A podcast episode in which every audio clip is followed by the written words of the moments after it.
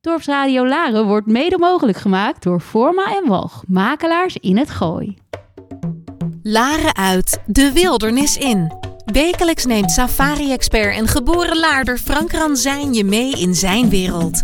De wereld van ongerepte safarigebieden, de Big Five en de cirkel van het leven. Eten of gegeten worden. Een wereld vol safari-geheimen die hij met jou als luisteraar ontrafelt. Van de mooiste plekken om op safari te gaan tot de regels van de bush. Samen met prominente gasten uit de natuur- en conservationwereld neemt Frank je mee, Laren uit, de wildernis in.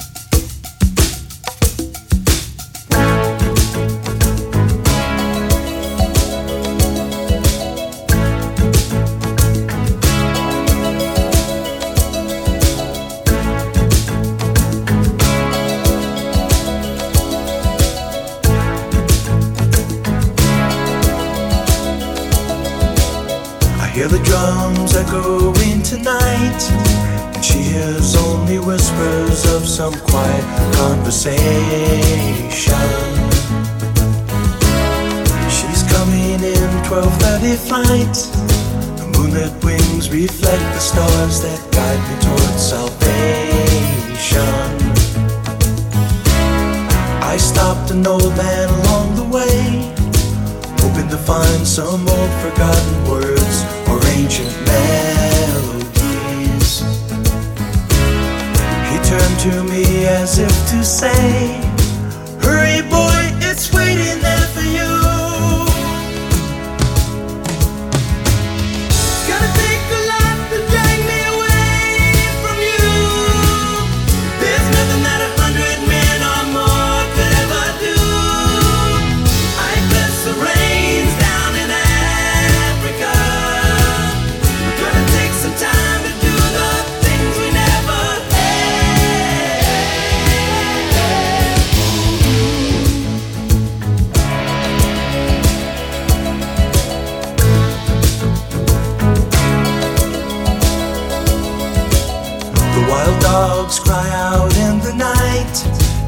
grow restless, longing for some solitary company.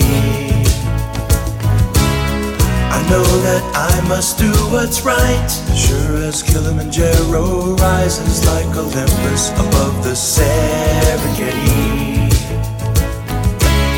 I seek to cure what's deep inside, frightened of this thing that I've become.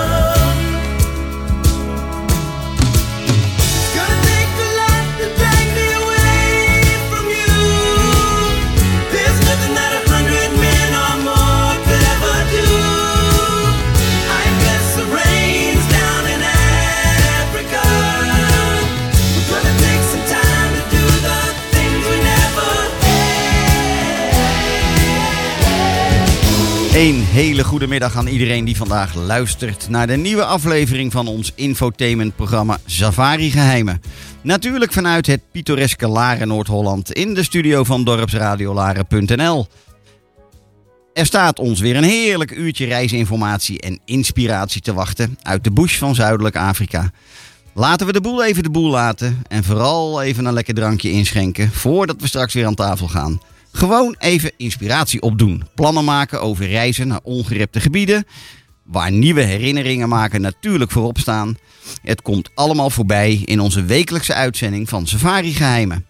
Vandaag reizen we af naar de regio Zambezia. Een immens gebied in Zuidelijk Afrika. Bestaande uit gebieden in zeven verschillende landen en zeven rivierstelsels zoals de Okavango, de Zambezi, Victoria Falls, Luangwa en Kaviui rivier. Het gebied strekt zich dan ook uit vanuit Lake Tanganyika tot aan de Limpopo rivier in het zuiden en van de kust van Mozambique tot aan de kust van West-Namibië en Angola. Vandaag in Safari Geheimen. Een zeer gepassioneerd natuur- en wildlife-liefhebber met een schat aan ervaring binnen het conservation- en safari-toerisme. Zijn naam? Luc Brown. Eigenaar van Fayeni Safaris in Zimbabwe en medeoprichter van de Zambezia Conservation Alliance. Hierover zo natuurlijk heel veel meer, want daar gaan we vooral ook over praten samen met Luc. it's time to switch into English. And welcome my guest of today, Mr. Luke Brown, co-owner of Vayeni Safaris, founder of the new conservation platform Zambezia Conservation Alliance, born and raised in Harare and husband of the Dutch Suzanne Brown. Luke, who is real a safari hero in my opinion, started at the young age of 18 years old, working his way up into nature and tourism, starting a safari and destination management company in 2012, which is named Vayeni Safaris. And he is one of the co founders of the Zambezia Conservation Alliance. Welcome, Luke, in our radio show, Safari Secrets, or in Dutch, Safari Geheimen. How are you today, and can you hear us? Yes, Frank. Hello. How are you? Uh, great to be here, and thank you very much indeed for having me. And I'm very flattered by your introduction. Ah, you're welcome. You're welcome. I'm very honored to have you as a guest on my show. Um, just for your information, also, Luke, I started last year with making this radio show and podcast, and I started out with only having guests live in the studio. And then from December onwards, I started to ask um, uh, loads of people in, in Safari Africa to be um, connected on Zoom, like we are doing now. Uh, and and I, I went uh, into what I called, I went international since last December. Um, I think I have now done about 10, 10 different recordings with people from out of Africa or India or whatever. Um, so, yes, I, of course, English is not my mother language, but I, I think I'm, uh, I'm okay doing uh, what I'm doing. I'm really happy that you said yes to be on the guest today, and um, yeah, especially I like to I like to uh, let the listeners know you are in France having a holiday with your wife and kids at the moment. True. That is true. Uh, the south of France is uh, one of our other loves. Ah, okay. I didn't know that, which is which is fine. But I, I, I was quite honored that even with wife and kids uh, on your side, taking the time of doing this. So uh, thanks, thanks again for that. Um, I'd like to start right away because we are going to talk about, I think, a mutual passion in life, uh, Luke, which is nature and wildlife, and especially maybe conservation, how to protect our wildlife for future generations. Um, and I like to start with the question I always ask my guests Would you be so kind to tell us just a bit about yourself and your background and whatever you want to tell about it? But uh, can you do that, please, for us? Yes, sure, Frank.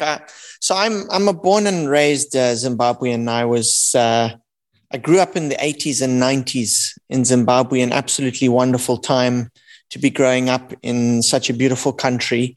And uh, very quickly, um, I was obviously introduced into the wild areas of the country through my parents and my brothers, who I would frequently go out and experience um, our special wildlife. You know, it's it's such a diverse country, and we were able to experience most of the country. Um, you know, from a from a very young age. So it was it was wonderful. We went to places like Kariba and spent nights out on the water under the stars and Mana pools and Victoria Falls.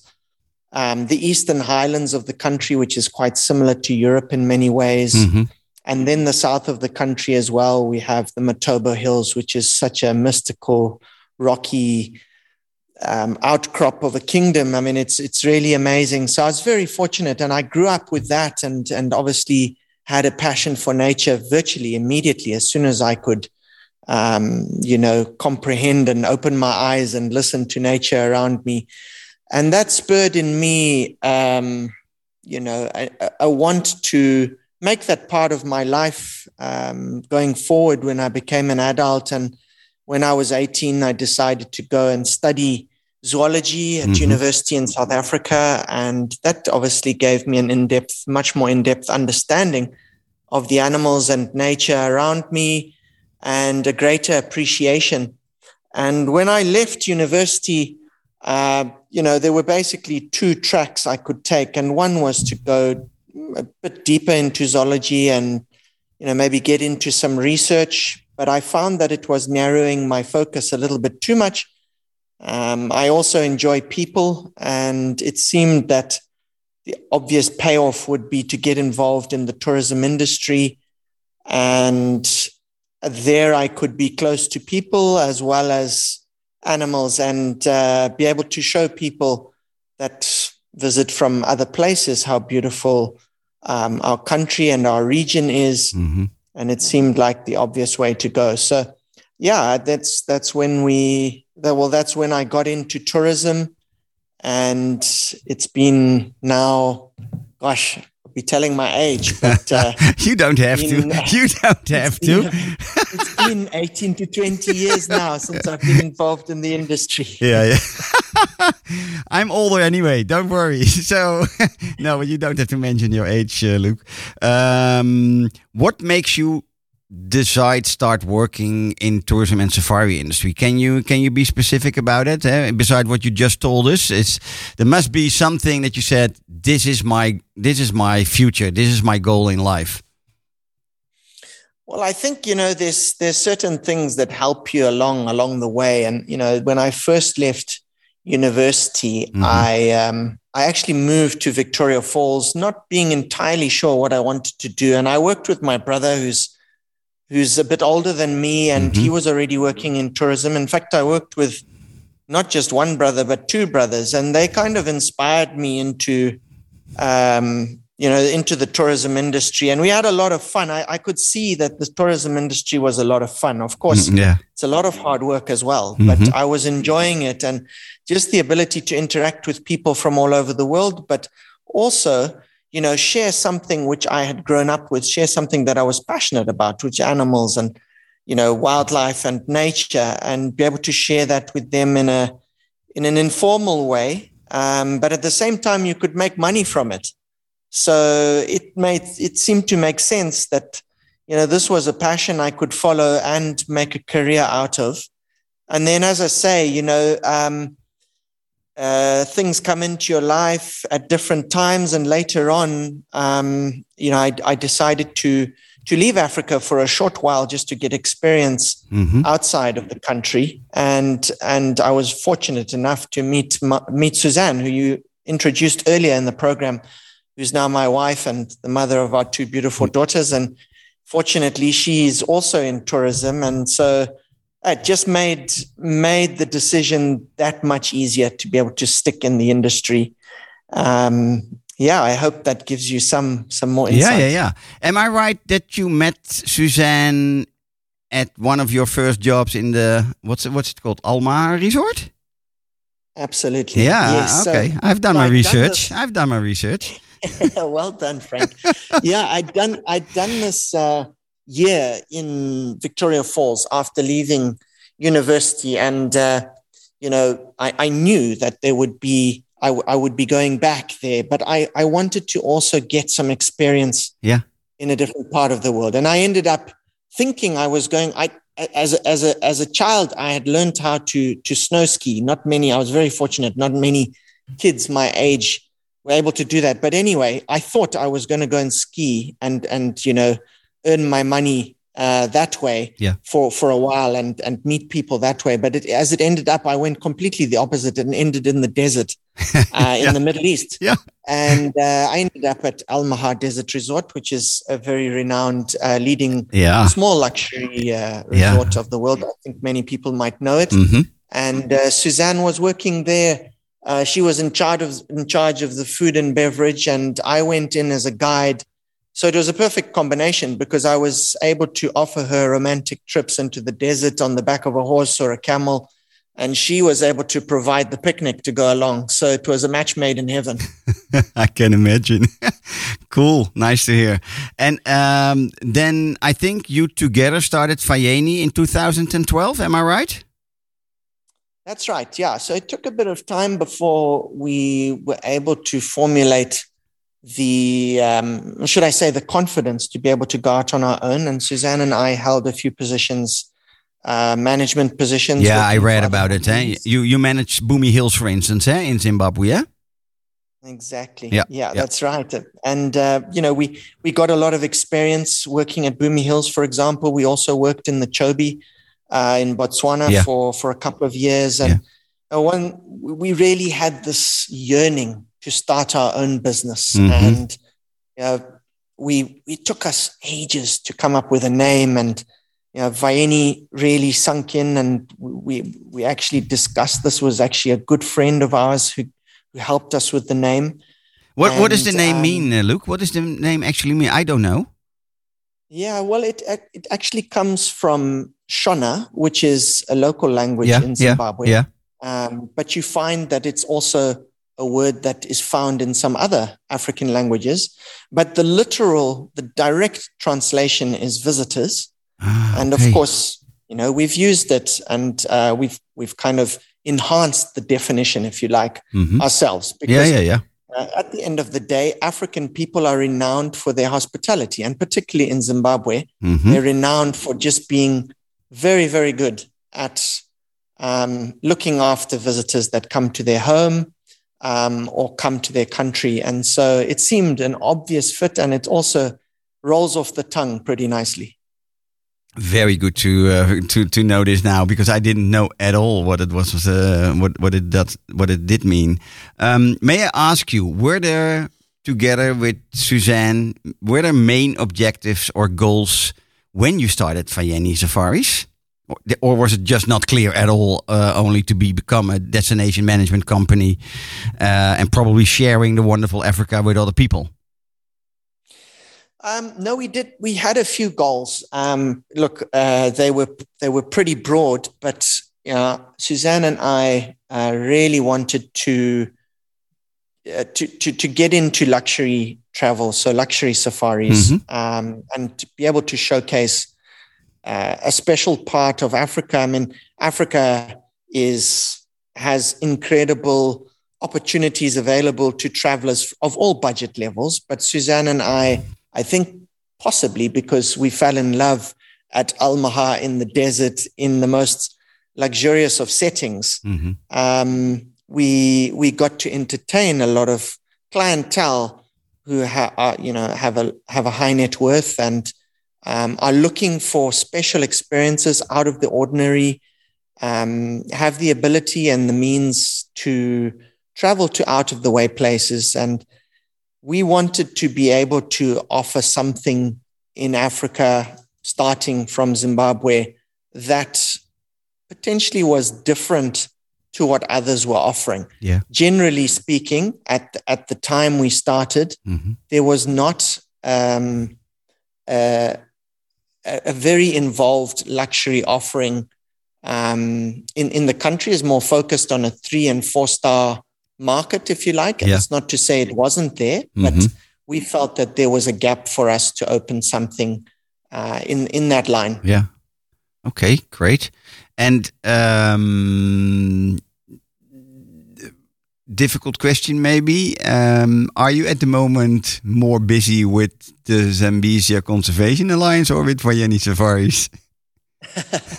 no, it's a, a good question. Um, look, I would say over the um, the main period of COVID, so let's say from March 2020 up until February, March of this year, um, you know, our business, our, our tourism business, Vayeni, um, like so many others, Collapsed. Were, were desperately Yeah. affected Yeah. um, by the pandemic. And we have, having said that, we were fortunate in that I don't think there was a month through that period where we had zero travelers. We Mhm. always had someone traveling and Yeah. Yeah. someone that was willing to brave the uh, the restrictions and come to Africa. So we were lucky, but certainly um, it gave us a lot more time to focus on additional passions. And to be honest, the passions um, of, of wildlife and conservation is something that Suzanne, myself, and um, our other co-founder, that's my brother Robin, who I'd mentioned earlier. Yeah.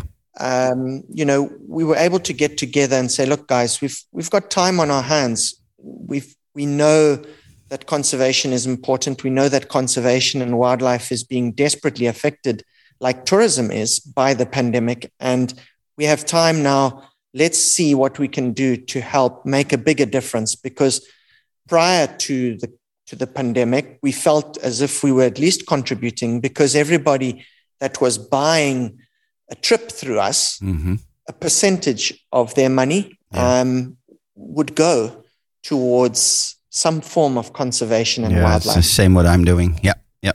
yeah, yeah, yeah. We're on the same page here, I think. And I think Yeah, also so- this this answer is really a nice little bridge to the next question I wanted to jump in anyway because that's my main, I or at least I thought it will be the main topic of today's talk um, about conservation in itself and of course the Zambezia Conservation Alliance. You started in 2020, eh? just at the start, I think, at COVID, eh? Absolutely, Yeah. yes. Literally a couple of weeks into COVID, we realized that, gosh, you know, we need uh, we need something else. Yeah, uh, because to that's what I mean by yeah. You, j- d- d- uh, I just wanted to ask you, please do tell us what makes you decide starting. But that's what you just told us.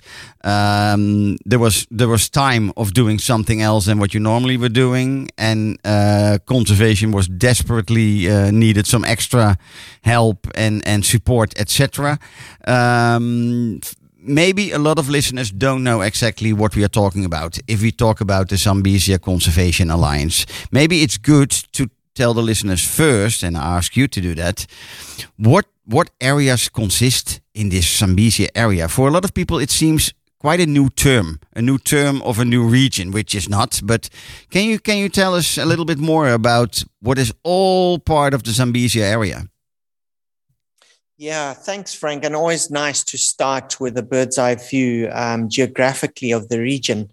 Zambezia is a term um, that is a pre- well, it's a pre-colonial term. Mhm. So um, it was being used by locals and and foreign explorers alike to describe an area, part of Africa, sort of central southern Africa, um, and it comprises the drainage basin of the Zambezi River. Mm-hmm. It literally spans across quite a few countries from Namibia in the west Yep. across to Mozambique uh, in the east, where the river. Um, so the the Zambezi River arises in the northwestern hills of Zambia, flows through Angola, Mhm. and then comes down and flows through the top of the Caprivi Strip, Namibia, part of Botswana, and then flows into the top of Zimbabwe, where it shares the border with Zambia, and then it flows out, obviously, through the delta in Mozambique. And but the the drainage basin, so all the rivers that feed into the Zambezi, um, are much uh, wider. You know, have, have a much wider sphere of influence than just the river itself. Yeah, yeah, yeah. Yeah. And so the Zambezia really refers to that entire region. It's a massive drainage basin and it covers over a million square kilometers of land. And it is home to the largest remaining population of African elephants um, Yeah. left on, Yeah. on the planet. Mm-hmm. It's also home to 10% of the world's carnivores, and it has at least four significant uh, biomes, um, distinctly significant ecoregions, if you like, um, which form part of this area. So it's it's very um, biodiverse. It's very distinct in terms of its um, uh, wildlife, and uh, it has it has so much to offer um, from a tourism perspective, but also just from a, a health, a planet health perspective, Yeah. um, if you like, in, in, in, in terms of what it contributes towards the planet um, by the preservation of, of these biomes. I, think it's such a um, such a huge I- ideal ideological thought you are following in the way of man you're pretty bold taking this huge area to support can you take us through a little bit why uh, I, maybe i understand it a little bit but also for the listeners why did you had that big ambitious plan of supporting that whole huge region from Namibia to Mozambique to Mozambique. Well, yeah, bold is right. Absolutely right. Yeah, I think uh, so. We, we, we're discovering that. But at the same time, uh, Frank, you and I both know that um, you know, conservation in Africa has been something that has been on a bit of a, a losing streak, even with all the tourism receipts and invoice, you know, the, the, the, the money coming Yeah, in from yeah, tourists yeah. coming into the area. Look, basically since uh, since the 1960s until now, we've seen probably two thirds of an elephant population and two thirds of a of a lion population, um, uh, you know, decrease yeah, in yeah, the yeah, area. yeah, yeah. th- th- these these numbers continue to decline. Yeah, yeah. And so it needs bold approach. It needs a bold approach. It needs a a wide uh, approach. It needs um, people. We hope. I mean, I'm not saying that's particularly us, but it needs anybody, ordinary people that have an understanding of nature and and wildlife, and and and very importantly, a network and appreciation. You know that goes across private and public networks in Africa to sort of say, look, guys, we can't do this by plugging holes of a balloon. We've got to we've got to repair the whole thing together. Otherwise, um, you know, it's going to be an issue. And I, I think we looked at we looked at our region and we said, look, there are so many players here doing so many wonderful things. Um, and and and why then are we still um, failing to stop the decline or the depreciation of numbers of animals? Mhm. Um, and we realized that, you know, through our network and, and, and through our ability to galvanize people together, that maybe there was a, an opportunity to get, to get people, uh, you know, to, to work as a team and hence the name Conservation Alliance. Yeah, Alliance referring to obviously an alliance of yeah, of people already working in tourism. When I mean, sorry, not in tourism and conservation. Yes, some of them are also working in tourism, but it's an alliance of of of players that already exist. So whilst it it it, it does appear to be something very bold, it's more a case of joining the hands between exactly. existing players. You're tying you're tying all the nuts together. I think that's what you uh, what you're Yeah. trying to tell us, huh?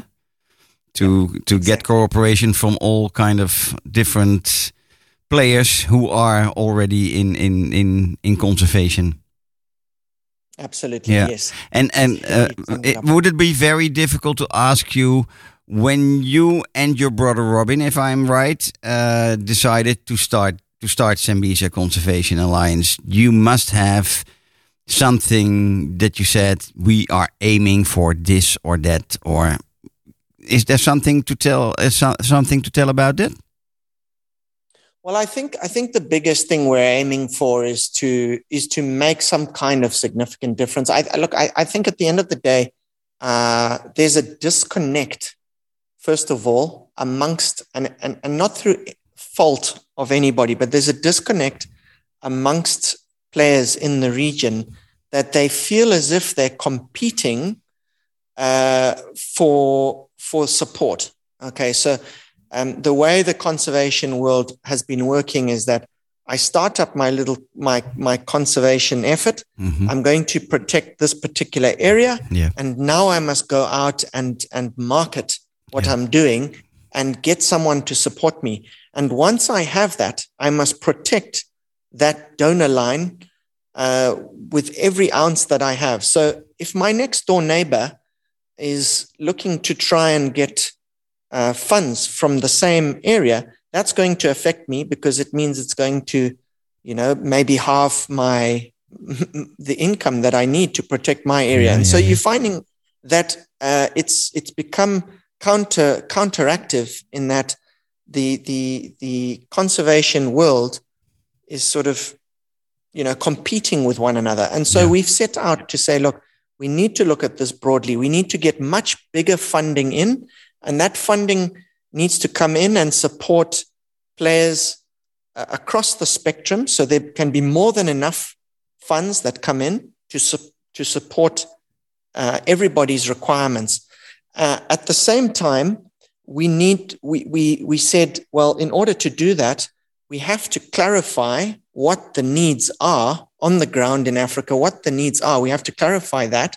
To people sitting in a position who would like to support uh, the problems in africa we need to clarify to them what the problems are and if you've got so many little problems and so many issues it becomes quite jumbled up and so we've taken it upon ourselves to go out and say, look, uh, clearly there's a need for more rangers on the ground, Yeah. you know, to protect the wildlife. But just as equal, uh, you know, just equally to that, there is also a need uh, for technology, you know, to support the rangers Yeah, in their yeah, daily work. yeah.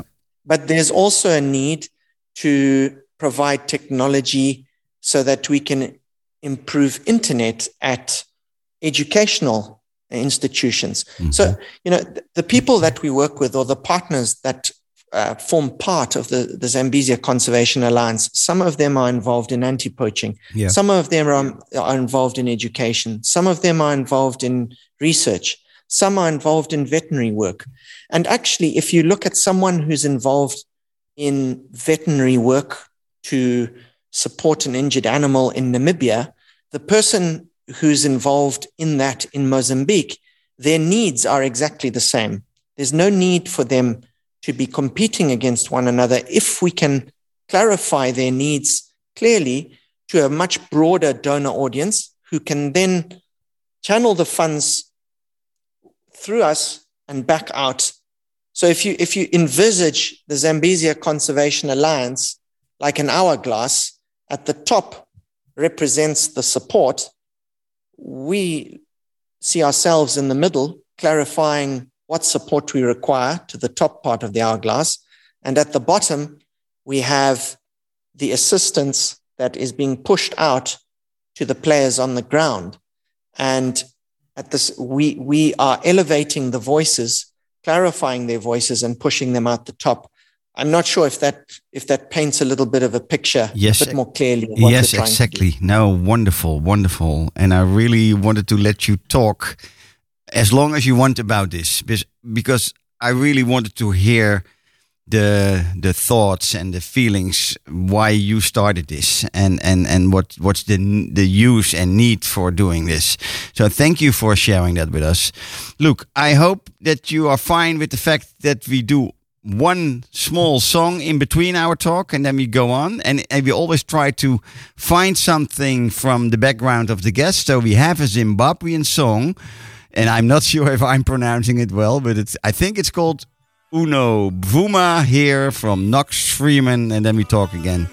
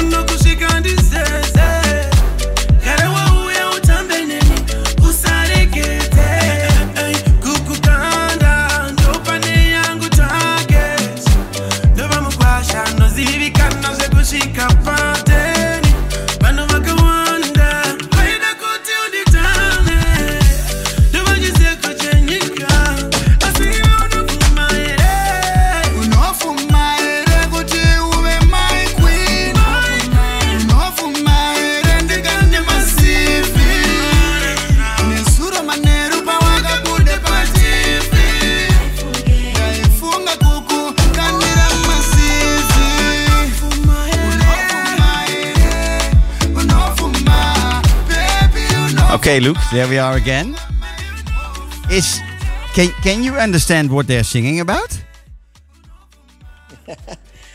I don't hope they. um, I don't hope that they are swearing with Uno Bruma. No, they, they, they're not swearing, but I think, you know, he's talking about day to day life. Um, my Shona is not too bad, but I'm afraid for me to give you a detailed. No, no, no. I don't. No, I don't need to. No, it was more. If, can you understand anything from this song or not at all? Course, I whilst whilst they were singing, Suzanne was talking to me in the background. So unfortunately, Ah, okay. was- Don't worry, don't worry. We, we just try to always have something uh, from the background of the guest. Let's let's talk about the Zambezia Conservation Alliance uh, in in in a little bit more deeper, if if I may if I may ask you. Um, could you give us some examples of what the Conservation Alliance is doing to inspire? Because I don't think so that it's only about donors and and yes, of course you want you want support and and and money, and I I understand, but you're also trying to inspire travelers, I think, or people who have a passion for nature and have a passion for this region and have a passion for conservation.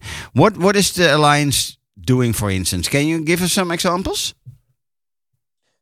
So, Frank, I think, you know, um, maybe this isn't exactly uh, answering your question, but when we first started the Zambezia Conservation Alliance, uh, we knew that we had a captive audience online in the same way um, that, you know, you, you're doing these podcasts. Mhm. And one of the first things we did is we started a thing called the Conservation Games. And I read about it. Yeah, I read about it. Yeah, yeah.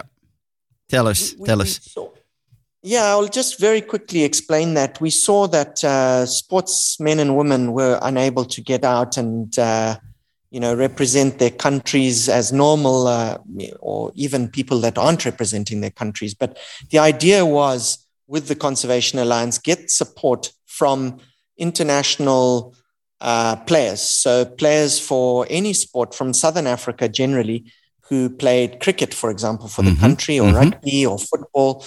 And we put them uh, in a face to face quiz online and we asked them about their sporting careers, but we also asked them about various questions to do with wildlife and conservation. And it was a lot of fun. It was about a 40 minute episode. We had Mhm. one, for example, we'd have a captain of the South African rugby team uh, go head to head with uh, a coach of uh, an, an IPL cricket Premier League team. Like, so let's say, for example, John Smith, uh, former captain of South Africa, versus Andy Flower, now the coach of, of Lucknow in, in Indian Premier League.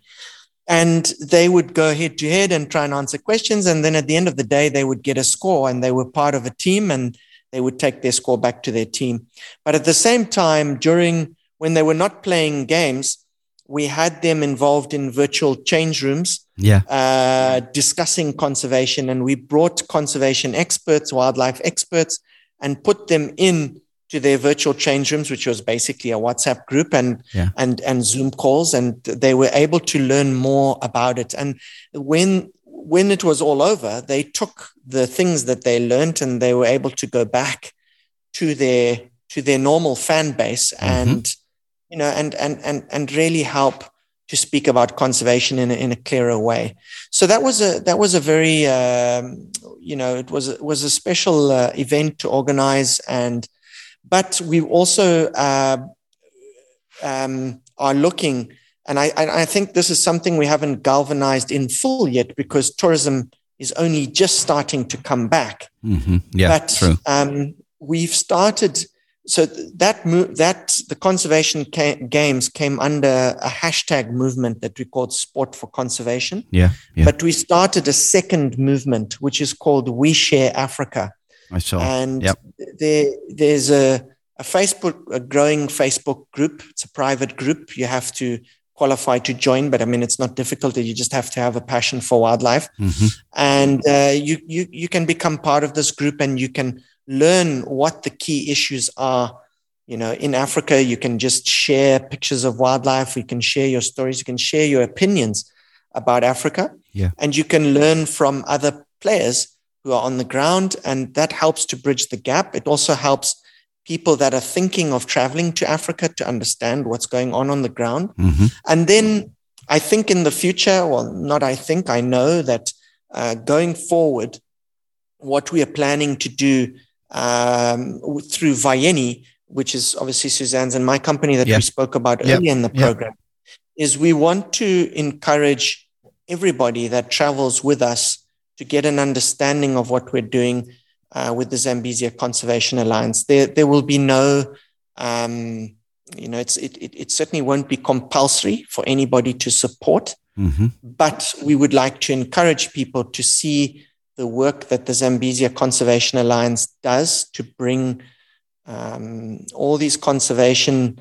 players together and you know how we how we manage to broadcast that on an international stage. But at the same time allow if anybody decides to travel with us when they're on the ground in africa we're going to offer them offer our travelers the opportunity to go and spend time with our outreach partners so it could be that they're interested in going and visiting a community that lives on the edge of a national park that experiences human wildlife conflict, for example. Yeah. Yeah. Um, and they want to learn more about that and to speak to the local people. Now, these are things that are easy for us to arrange, uh, easy for us to organize because we already know the players, we already know the communities.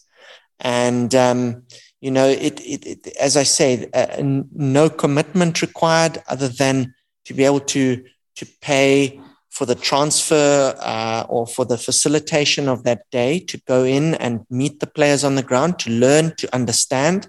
And then if at, at, at the end of that if it feel if the clients or the guests that have come out and had that experience if they feel they want to contribute further then we can have a discussion about the possibility possible ways that they can do that.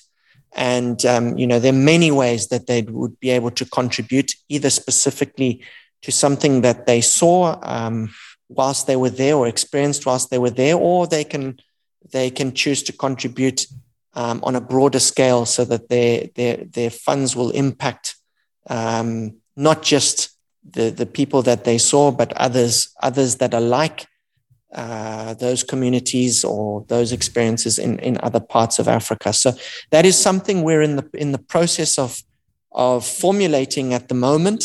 Um, and aside from our work to um, to promote what we're doing to the to funders, government funders, Yeah. um, NGO funders, and so on. Beautiful, beautiful story. I like it. Um, can you? Uh, would you be so kind to also tell us a little bit about the Ranger Alert? Yes. So Ranger Alert, obviously, I, I mentioned earlier, you Yeah. know, about rangers in Africa. Now, obviously, uh, rangers, let's get it right in our heads what a ranger is. Yeah. Basically, a ranger is a wildlife protector, someone that his job is to go out every day and put his life on the line. When I say put his life on the line, I don't just mean he could walk into an elephant and get trampled. I also mean he could be out there and he could come into contact with um, people that are pursuing nefarious activities like poaching and so on. And, and those people are, are quite often armed. Um, so literally, this is someone is it's like a soldier. Mhm. You know, they're going out into the field under harsh conditions, and believe it or not, uh, these people are often underpaid.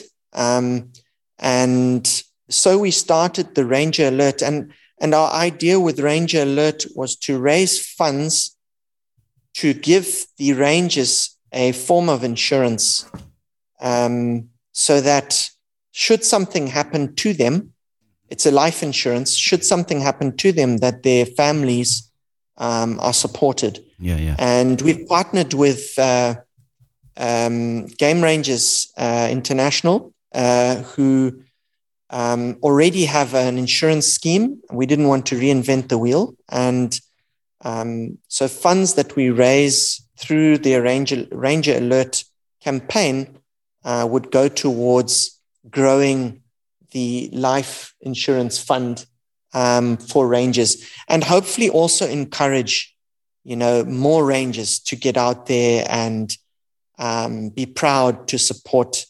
um, you know to support their local wildlife and um, to grow their status within their communities Thank you. Wonderful, wonderful. Because of the time, we only have about nine minutes left. I there's two, two, three more things I wanted to ask you, and I always ask my client, my client, my guest, if there is something, a memorable story from the bush or around the bush. Doesn't have to be always about animals, which you like to share with us. Is there something you want to tell us? You can share with us.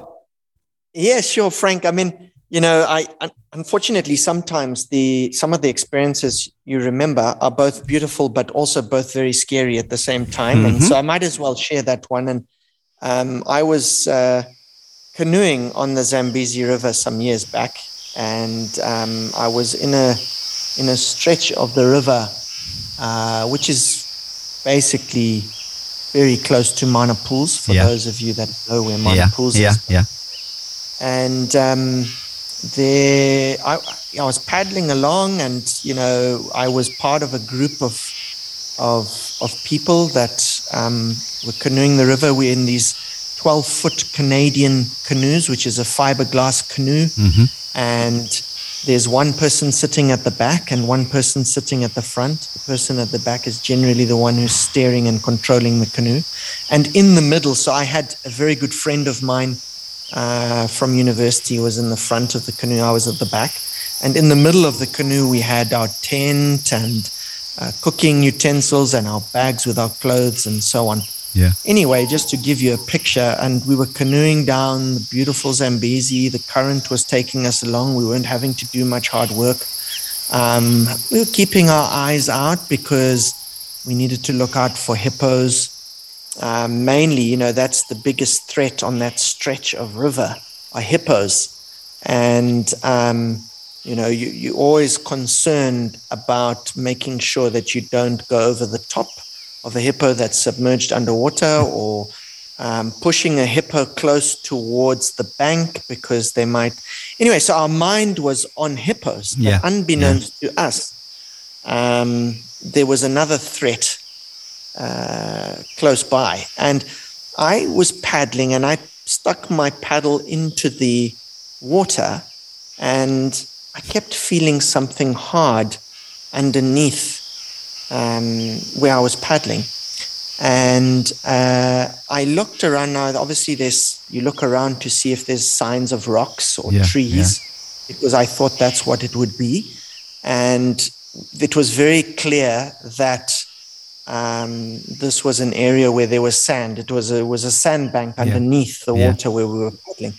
But the water, it was during the rains, and so the water was quite, uh, you know, it was quite milky, Yeah. uh, chocolate milky color. hmm And uh, anyway, so I carried on doing this, and every time I would whack onto this hard thing. And anyway, um, I said to to Mark, my friend at the front, I said, I don't know what's going on here. And he looked back; we couldn't see anything. And the next thing was uh, this thing came out the water and whacked the side of the canoe where I would, you know, you're only about 30, not even 30 centimeters above the water. and this thing whacked the side of the canoe. The whole canoe moved Oh, and um, it, mu- it, it, it, it can only have been a really big crocodile. Yeah. I knew where this fair- was going to. yeah, of course. To, to be fair, Frank, I didn't look too hard. I turned into a 250 horsepower engine and um, I paddled for my life. It's amazing what they say with uh, adrenaline, what it does to you. Yeah, yeah. And uh, my friend in the front, I just said paddle, and we both paddled. Fortunately, we weren't too far away from the shoreline, and we managed to get to the shore. And we leapt out of the canoes, uh, you know, um, uh, with with with fear for our lives, thinking this crocodile might be chasing us. and um, the next thing was the swarm of bees Oh my Um, God. the energy was not with us that day, but this swarm of bees came out of nowhere and started, um, you know, stinging us. And so we had to go back to the water's edge, get our towels, dunk them in the water, uh, and then literally go up onto the land and, and just cover ourselves in this wet uh, towel so that the bees wouldn't get us on our faces and so on. Eventually, the bees went away and everything calmed down. But it was certainly an experience I'll never forget. And I've had I've had other experiences. Yeah, I can imagine. This is one of this. This probably also quite. It, it's also a nightmare. Let's be honest, because it's quite dangerous. It can be dangerous. Let's let, let's put it that way. Wonderful story, Luke. You hear some uh, light music in the background. That always means that I have to round off a little bit my uh, discussion, uh, but not before we tell the listeners if they want to become become involved in the Zambezia Conservation Alliance tribe, as you call it, um, where to find Zambezia Conserva- Conservation Alliance? Of course, just on the internet on zambesia.com. And how how can people become involved? Um, Luke? So, Frank, just very quickly, I want to say Z- Zambesia is spelt with an S at the end. So it's Z A M B E S I A. yeah. Yeah, yeah, because. There's, a mo- there's a movie out there called Zambezia. Yeah, which is totally right. It's with an S instead of a Z. Yeah, yeah, yeah. Correct. Correct. how Um, how so can yes. people become involved?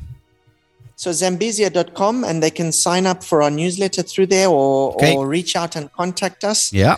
Um, they can also read about the different ways to become involved. It's very clear on the website. Yeah, I saw. Um, I saw. I would also ask them to please, uh, you know, uh, ap- apply to be part of the We Share Africa uh, Facebook group. Yeah, And Yeah. um, they I'm following already. I'm a member already. Thank you, Frank. Appreciate that. Yeah. Uh, also, I would like to anybody who would like to get in touch with me. It's just very easy. Luke L U K E at Zambesia Z A M B E S I E S I A dot com.